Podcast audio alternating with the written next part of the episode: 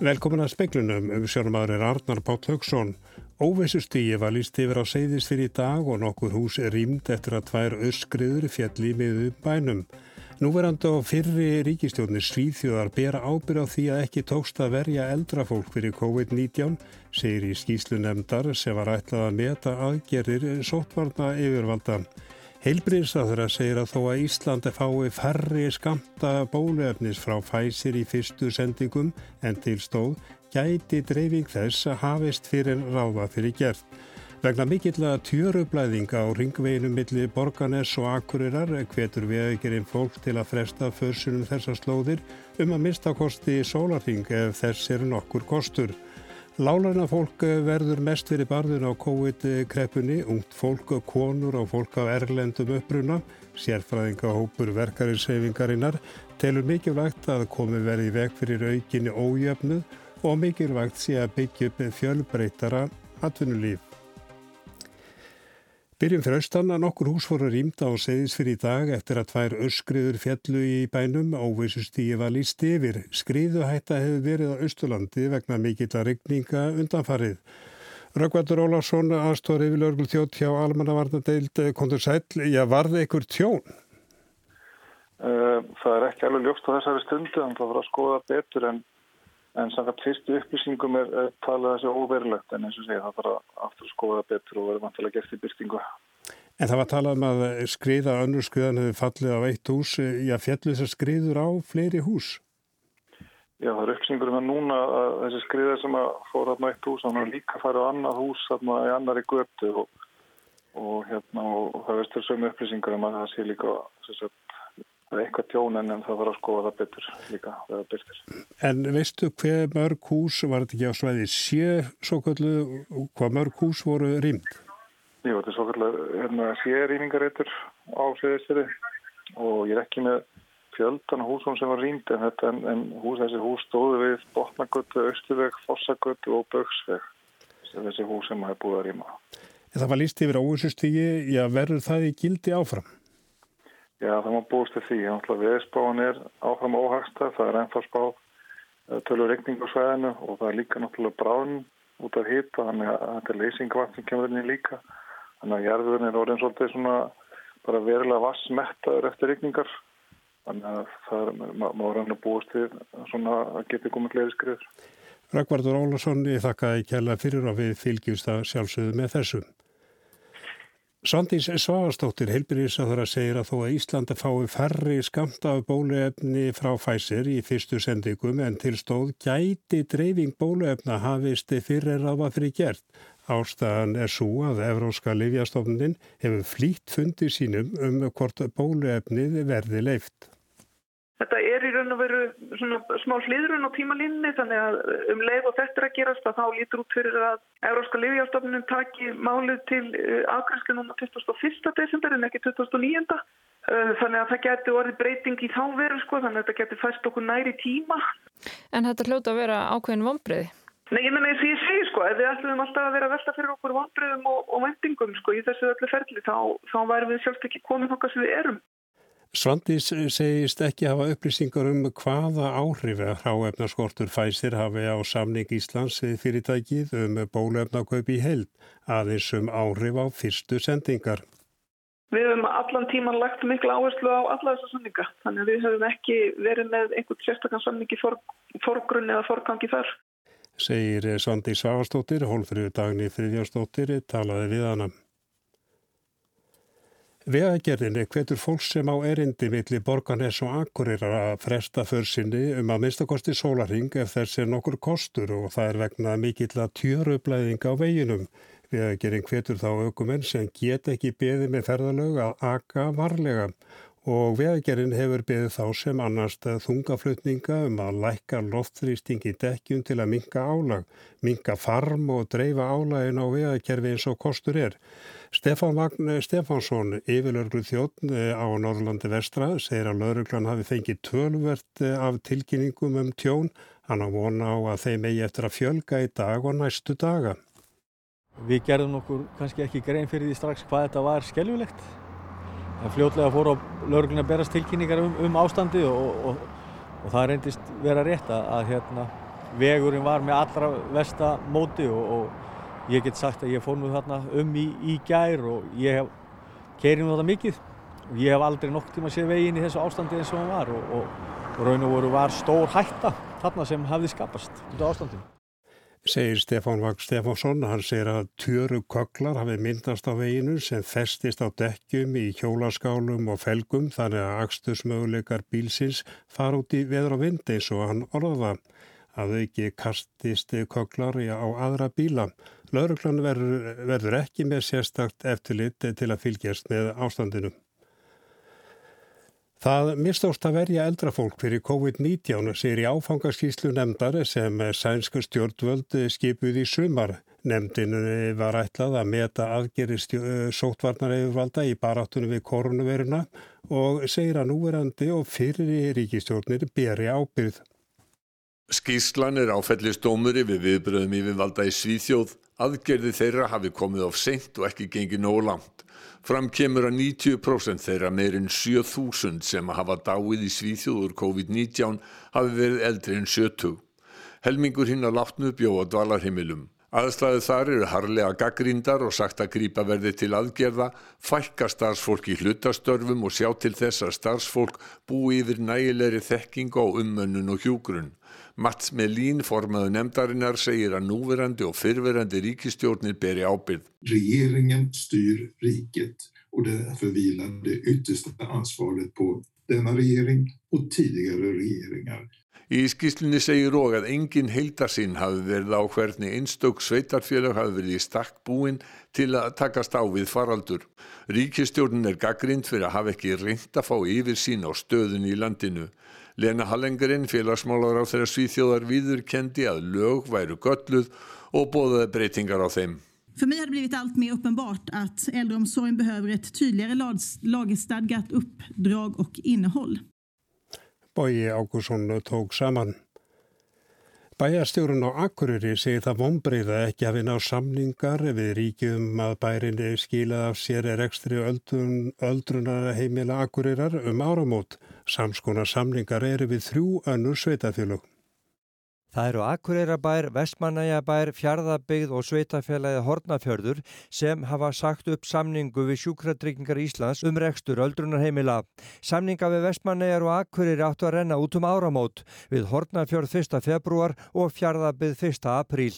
Vestmannæjabær og Akureyrabær hafa nú samið um að framlengja samningin, Hortnafjörður ætlar ekki að framlengja og hjá Fjarðabyggð er enn miða við 1. apríl það kom ósk frá sjúkratryggingum og helbreyðsraðaniti að við myndum uh, halda reksturinnum áfram með næstu fjóra mánuðuna og, og, og með ákveðinu meðgjöf þannig að við urðum við því.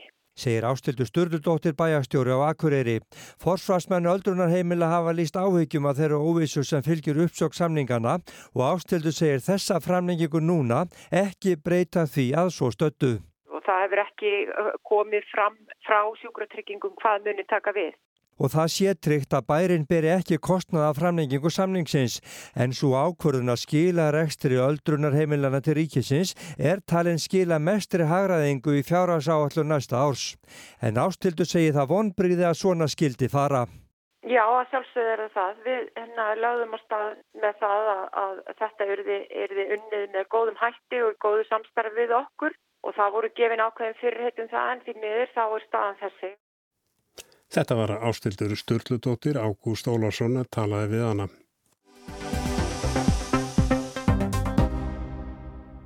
COVID er greppa þeirra sem að minnst mega sín. Það bitnar á ungu fólki, konum og fólki af erlendum uppruna. Líkur á að áhrif kósins verði langvarandi og ítundur ójöfnuð. COVID er sannarlega fordæmalauðs greppa. COVID er eitt mesta áfall sem að fólk sem er lifandi í dag hefur upplifað. Sagði Vilhelmar Hilmarsson, hagfræðingur BHM, þegar hann kynnti í dag niðurstöðu greiningar sérfræðingahóps verkefliðsreyfingarinnar ASI, BSRB og BHM á afleiðingum COVID-greppunar. Yfirskriftin var COVID og hrunið, lærdómur og leiðin fram á við. Áhersla var lögð á áhrifu kófsins á atunu greinar og launafólk og samaburði bankarhunnið fyrir rúmum áratug. Viljámur sagði að af 46 samdráttar árum í 150 ára hagsug Ísland sé árið 2020 eitt af mestu samdráttar árunum. Hann sagði að á þessu ári hefðu orðið samdráttur í um 80% að landa heimsins sem sé tvöfald fleiri lönd sem upplöðu samdrátturinn í efnagskreppinni fyrir tíu árum. Hann bent á að sangvann tölum frá Eurostat, Hagstofu Evrópusambansins sé launafólk sem starfarið þjónustu greinum, sérstaklega tengdum ferðarþjónustu í mestri hættu á að vera sagt upp störfum. Það kemur líka fram í útreikningum með Eurostat að þeir sem eru neðalegi tekjudreyfingunni eru mjög líkleri til að verða fyrir neikvæðum áhrifum af COVID-kreppunni en aðri launahópar. Viljámur sagði að þessi munur væri sérstaklega ábrendi í löndum sem reyða sig á ferðarþjónustum og þar erum við að sjá samdráttin koma verst niður á þeim sem eru með lága tekjur. Þetta er samiðileg reynsla að landa innan Európusambansins. Sérfræðingahópurinn er kannaði hver þróunin hefur verið hér á Íslandi í kófinu og bar saman við bankarhunnið. Niðurstaðan er að áhrif kófsins á lálöna greinar en nú er meir enn í kreppunni 2008. 42% af launasamdráttur hefur til dæmis orði í hótel og veitingahúsarekstri. Launarsamdráttur í legsta tekju fjórðungnum í hrununu var til dæmis 6% en þrísfarsinu meiri nú í kófinu. COVID er í miklu meira mæli kreppa þeirra sem minnst megasín enn sem komið er. Í hrunnu var skellurinn hlutvarslega mestur í byggingageiranum og fjármálastarsemi. Nú er hann mestur í greinum sem er greiða lægstu launin eins og til dæmis í greinum ferðarþjónustum. Menningarstarfsemi kemur mun veru út núna í kófunu heldur en í hrununum. Þá ljóst að konur verða meira fyrir barðinu núna en í hrununu og vísbendingar er um að konur hér á landi berir hlutvarslega meiri byrðar en konur almennt í Európum. Það skýrist bæða því að hlutild hvenna er til dæla mikil í ymsum lánunastörfum og einnig vegna mikils álags í heilbriðistjéttum. Þannig að þarna sjáum við áhrif kófsins, neikvæð efnaðslega áhrif, koma illa niður á uh, konum. Sagði Vilhelmur Hilmarsson. Þá er ljóst að COVID bitna nokkuð harkalega á fólki af erlendum upprunam, til dæmis þeirra litir á tölurum atvinnleysi. Í Evrópu og Íslandi hefur COVID haft áhrif á ungt fólk á aldrinu 16 til 29 ára. Atvinnleysi í þessum aldursrópum hefur rókið upp. Það er mat sérfæðingahópsins að COVID muni hafa langvarandi áhrif og þau muni vara langt fram í þriðja áratugin. Hætt sé við auknum ójöfnuði og áskoranir til framtíðar sé að komi veg fyrir aukin ójöfnuð. Vísbendingar um aukin ójöfnuð sé meðal annars svo starrend að atunugreinar hafi komið mismöndi vel eða ítla út úr kófinum. Velta í smásölu hefur til dæmis aukist um 13 á hundraði og hlutabræðavísitalan hefur hækkað um 15 af hundraði. Mikilvægt er sé að leitað verði allra leiða til að auka fjölbreytni í útflundingsatvinnugreinum. Íslendingar verði að læra af reynslunu og ítundir fjölbreytari atvinnuvegi. Drífa Snædal, fósitaði sí, sagði á fundurum í dag að mikilvægt væri að atvinnuleysins tryggingakerfin virkuðu til að grýpa þá sem þarf að grýpa. En þetta ben líka sjónum að því hvað þurfum að vera óbúslega mikið á tánum uh, að auka jöfnuð, uh, bæði í tilfærslukerfunum okkar og í skattkerfunum og við þurfum að taka allar ákvarðanir, hægrar ákvarðanir uh, núna út frá því að það verði ekki til þess að auka enn frekar þennan ójöfnum sem þú teiknar upp að sé nú þegar að gerast. Og Sonja Þorbergstóttir formaði BSRB sá þó að kreppunar tvær væru ólíkar væri nöysilegt að læra af hruninu. Og, og það er búið að koma mjög skýrt fram að þetta hefur mismundi áhrif á fólk eftir hvað það stendur í, í tekjum og, og þess vegna er mikilvægt að við lærum af því að, að það er búið að taka það saman að, að, af Gallup að fjárhans áegjur það er sjöfalda líkurnar á kulnun. Nýðusta sérfæðingahóps verkefleis reyfingarinn er að kreppa núna er talsveit öðruvísi en efnaðarskreppan fyrir rómum tíu árum. COVID bitnar sérstaklega á ungu fólki, konum og fólki af erlendum uppruna. Það er jafnvel að tala um að þetta sé kreppa unga fólksins og kreppa kvenna. En er Þórun Svimbjarnadóttir formar BHM sammála þessu? Já, ég er sammála þessari greiningu og við letum gera hana hjá BHM, ASI og BCB einmitt til þess að setja grundvöld undir uh, áframhaldandi umræðu og þær aðgerði sem þarf að taka í þessari kreppu. Og við sjáum það að þetta er láluna fólkskreppa eða sem sagt uh, kreppa þeirra sem hafa lægri tekjur Uh, það er náttúrulega mjög misskipt til dæmis atvinnuleysi á milli uh, þeirra sem eru fætt hérna og þeirra sem hafa flutt til okkar til þess að vinna hérna og svo er á þessari kreppu kynja vingill sem meðal annars uh, sérst af því að konur eru meiri hluta í velferðarþjónustu í landinu, ekki síst í helbriðiskerfinu og hafa verið undir miklu álægi í hennu ofinbæra kerfi á þessu ári. En eftir saman því að COVID núna eða kreppa núna, hún ítir heil undir aukin ójöfnuð. Já, hún getur gert það hún getur gert það og þar eru þetta hlutverk uh, stjórnvalda í, já, verð, verður við það að vera alveg skýrt hvernig stjórnvald koma í vekk fyrir frekari ójöfnuð í samfélaginu vegna þess að þau sem að hafa lagstu tekjurnar er að verða fyrir mestu höggi hér. Það tókst að verja þau að einhverju leiti í hruninu. Uh, þetta er ekki skulda eða eignakreppa eins og við vorum í fyrir tíu árum.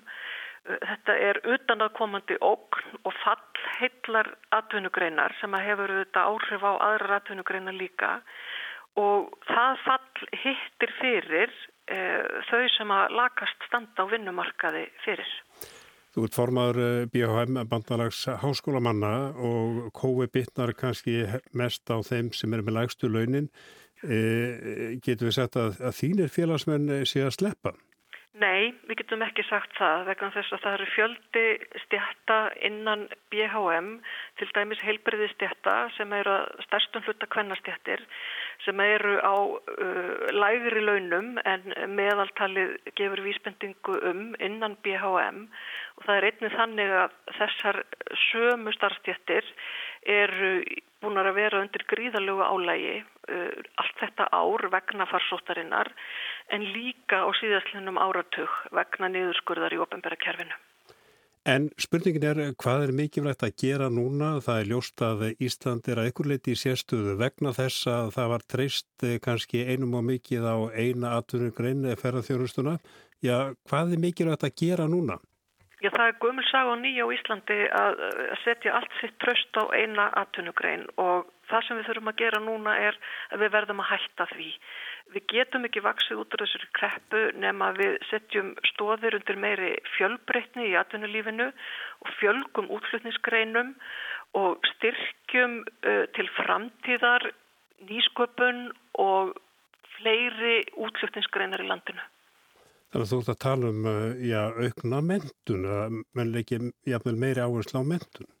Já, sjálfsögðu þarf að gera það uh, með öðru en við þurfum líka að vita hvernig við ætlum að vaksa út úr kreppunni og þar hefur hafa stjórnvöld uh, bæði aðhalshlutverk og líka hlutverk til að marka stefnuna fram á við.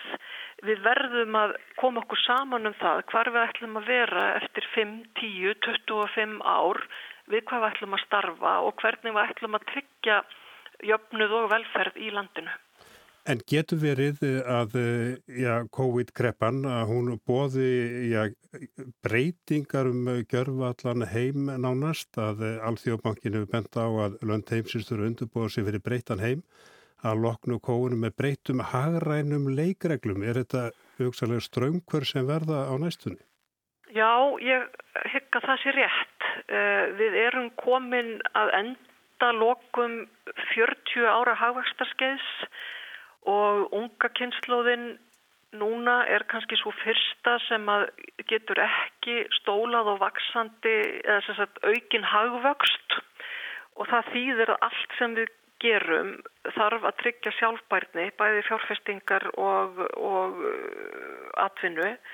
Og við getum ekki vaksið áfram með gamla læginu og þetta er nú svo sem engar nýjar frettir heldur verður við að aðlaga það að þessum bæði að, að afleiðingum farsóttarinnar en líka bara að öðrum viðfangsefnum eins og loftlagsbreytingum.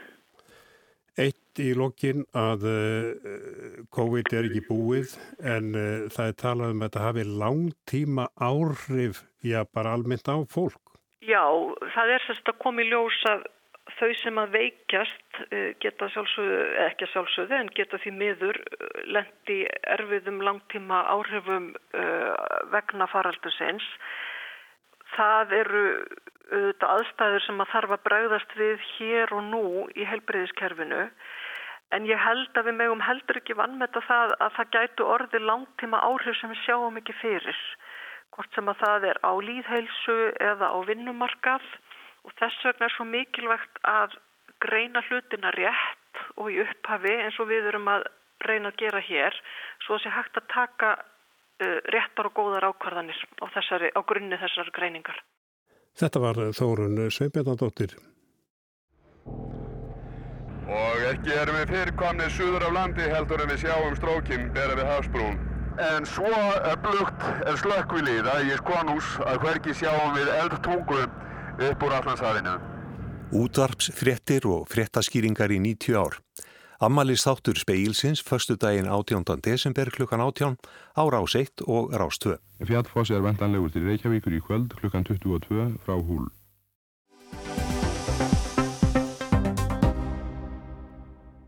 Lausafjárkreppa ferðarþjónustu fyrirtækjana er að breytast í skuldakreppu og það verður undir stjórnvöldum og böngunum komið á næstu misserum hverji komast af að dómi Ásbergs Jónssonar framkvæmdastjóra Nordic Visitor. Grísjun sé óhjákvæmileg en þegar hilli undir bólefni sé hægt að fara að hugsa um endurreist greinarinnar og þá verður einn spurning áleitin, segir Ásberg. Hvað svo? Hvernig mun þessi grein eh, byggjast upp eftir þetta gríðarlega mikla áfall og, og kannski leggja áherslu áfall vegna þess að við erum að hafa það huga að, að hér er sko erum við að tala um sko 25.000 mann sem, sem störf, starfa í ferðarþjónustu og, og, og hér er heila atvinnugrein í áfalli. Og ég hef sem sagt sko að það er heila atvinnugrein sem þarf áfalla hjálp og það er svona það að kannski hafa það í huga þegar við erum að byggja upp greinin aftur það þarf að hlúa þessu fólki, þetta er grein það sem eru byggjist í kringum fólk fyrirtækin í greininni eru verulega löskuð.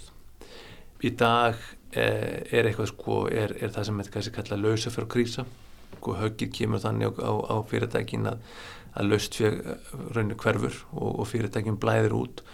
En það sem er í dag lausafjörgkrísa er að breytast í skuldakrísu. Á næstu árum, raunir mánuðum árum, að þá verða fyrirtækin uh, skuldum af henn og þetta er svona kannski það sem, það sem menn yfirvöld og rauninni bankanir verða að spyrja sig hvernig á að leysa úr þessari skuldakrísu sem verður á, á komandi árum. Í gær var í speklinum rætt við Gunnar Þór Jóhannesson, profesor í ferðamálafræði. Hann telur að hrun ferðarþjónustunar á heimsvísu geti orð til þess að tóm gefist til endurmats, áhersla og öryggi og tröst hjá ferðamennum vaksi og til lengri tíma á sjálfberðni. Ásberg tekur undir það að mörguliti. Sko til lengri tíma ger ég ekki ráð fyrir það verði stórkostlega breytingar að ferðarþjónustu. Það hefur sínt sig gennum tíðina að áfokastæðir sem verða fyrir áfalli hvort sem það er Egiptaland, Sýrlanga, New York kringu 9-11 þessi staðir hafa jafnað sér mjög fljótt og það hafa ekki orðininnar mjög mikla breytingar á rauninu ferðahegðan til lengri tíma. Við þurfum að horfa á til skemmri tíma um breytingar, breytingar þar. En síðan alltaf þurfum að spyrja okkur hvernig var ferðartjónustan hérna fyrir COVID? Voru Íslandingar sáttir við ferðartjónustuna eins og var þar? Og er eitthvað sem við getum gert betur þó menn séu bjart sínum að það fara að koma inn ferðamenn að þá þarf að hafa það í huga að Íslensk ferðarþjónusta var henni byggð upp fyrir COVID fyrir 2,5 miljón ferðamanna. Og árið 2019 að það voru 2 miljónir ferðamanna. 2019 það var afkoma ferðarþjónustu fyrirtækja hansi lög eh, Váer fór á hausin eh, sem hafði verið áhrif á ferðarþjónustu fyrirtækina hild þannig að, að staðan var viðkom fyrir COVID Nú er að tala um það að ef vel gengur þá kannski fáur miljón ferðamann manna árið 2021. Hvað þýðir það? Það þýðir það að, að fyrirtækin munu fara í mik mikla samkjöfni um viðskiptafinnin. Það þýðir það að verð munu lækka. Ofan á þetta bætist að kostnar við rekstur þessar fyrirtæki er, er, er að aukast með launahækunum og það eru meiri raunni svona vinna í kringum sóttarnir í hótulunum. Það, það, það verður reynilega dýrara að þjónusta viðskiptafinnin á læri verðum og ofan á þetta bætist að fyrir COVID að það voru mörg erlend fyrirtæki sem störfuð hér landi með undirbúðum og borgi ekki sama skatta og sömu göld og íslensku fyrirtækin. Þannig ef við hefum farið að keppa áfram við þessu erlendi fyrirtæki í þessu umhverfi þá er þetta askaplega erfið stað því miður fyrir fyrirtækin í greininni. Það verður ekki komist hjá Grísjun, segir Ásberg, miða við þann fjöldaferðamanna sem á búast við á næsta ári og því þar næsta. Og hvernig verður svo Grísjun? Það er útlitt fyrir það að þessi Grísjun muni verða tekin, þess að ákvörnum hana verða tekin hjá, hjá böngunum. Þetta er flókið vegna þess að Íslandsbanki og Landsbanki er eigu ríkisins. Við erum að setja aðalega í böngunum mjög erfiða stöðu með það að þeir þurfurinn ákveða hverju líf og hverju degja. Það er alveg skiljanlegt að ríkið getur ekki haldið fyrirtekjunum gangandi veist, næstu árin og þetta er svona komin þessi sko, eins og mann, kannski, mann sletta survival of the fittest bankanir eiga þessi skuldir og þeir verða að taka ákvæmlega um en það sem sko það sem þarf að passa upp á er bankanir skilji að mikilvæg allar þessar litlu fyrirtæki út á landi er það að, að það er ekkert að segja að, að það séu sko bara fyrirtækinni eins og ferðarjónstinni hefur byggð upp á stórum fyrirtækjum. Það er ekki það sem við viljum. Við viljum uh, fjölbreytta flóru fyrirtækja og mörg fyrirtæki út á landi er byggð upp af fjölskyndum sem búa þar og það er rauninni fáið sem geta tekið við slíkum rekstri. Þannig að það þarf að stiðja við lítil fyrirtæki um all land. Hjá Nordegvistor var ákveð að skuldsetja fyrirtæki til að reyna að þreja ástandið, nýta tíman til að endurbyggja og undirbúa komu ferðamanna á ný. Og það kemur að, að bókunum og þá erum við í dag að svona ná hátt í 30% af því sem var í nýjum bókunum fyrir, fyrir árið síðan sem ég tel bara vera þokkala gott. Við sjáum það að, að því meiri upplýsingar sem komum um bóluefni og því svona, því svona meiri upplýsingar komum um það að, að þessi faraldur geti farið enda því hraðar sjáum við öðrunir feimsóknirna vefin okkar vaksa og því svona meira öryggi sér maður hjá ferðamannum að fara að bóka. Við erum að vona sér ná já, yfir 50% af okkar veldu 2019 veldu inn, á, inn árið 2021 uh, og ég held að það sé bara þokkalega uh, líklegt að við getum náð því ég er nú bara þokkalega björnsinn á það allan að, að, að við náum að, að svona ágjörnum rekstur næsta ári. Við erum að selja minna hópaferðum og við hefum dreigið hansi verilega úr, úr hansi mikið úr frambúð á þeim ferðum. Eh, en við erum að selja ferðir það sem er sko, það sem við erum að leiða fólki bíl og bíl og bókum allar gistingu, allar þjónust, allar ferðir í einum pakka og það er náttúrulega mjög hjálp okkur að, að, að kúnin vill geta bóka flóknarferð á einum stað þess að hann vill geta afbókað eða breytt með skömmum fyrirvara. Það er vörur sem við erum að selja henda ágjörlega inn í kannski ef að segja það um hverju sem er í dag það sem fólk er að sækjast eftir, eftir öryggi.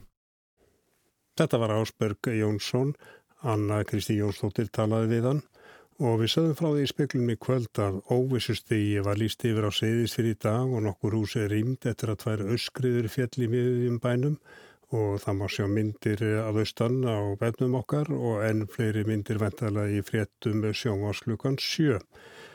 Og núverandi og fyrri ríkisjóti Svíþjóðar ber ábyrð á því að ekki tósta að verja eldra fólk fyrir COVID-19 segir í skýslu nefndar sem var ætlað að meta aðgerði stjórnvalda í Svíþjóð í barátunni við koronaviruna.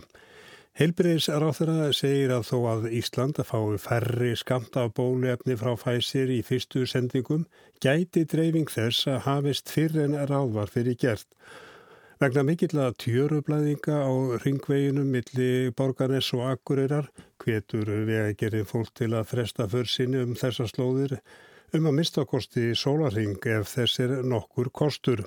Og lálauna fólk verður mest fyrir barðuna á COVID-kreppunni, ungt fólk og konur og fólk að erlendum uppruna, sérfræðingahópur verkefliðseyfingarinnar telur mikilvægt að komi verið veg fyrir aukin ójöfnuð. En það er ekki fleira í speiklunum við kvöld, tæknumadur var Jón Þór Helgason, verið í sæl.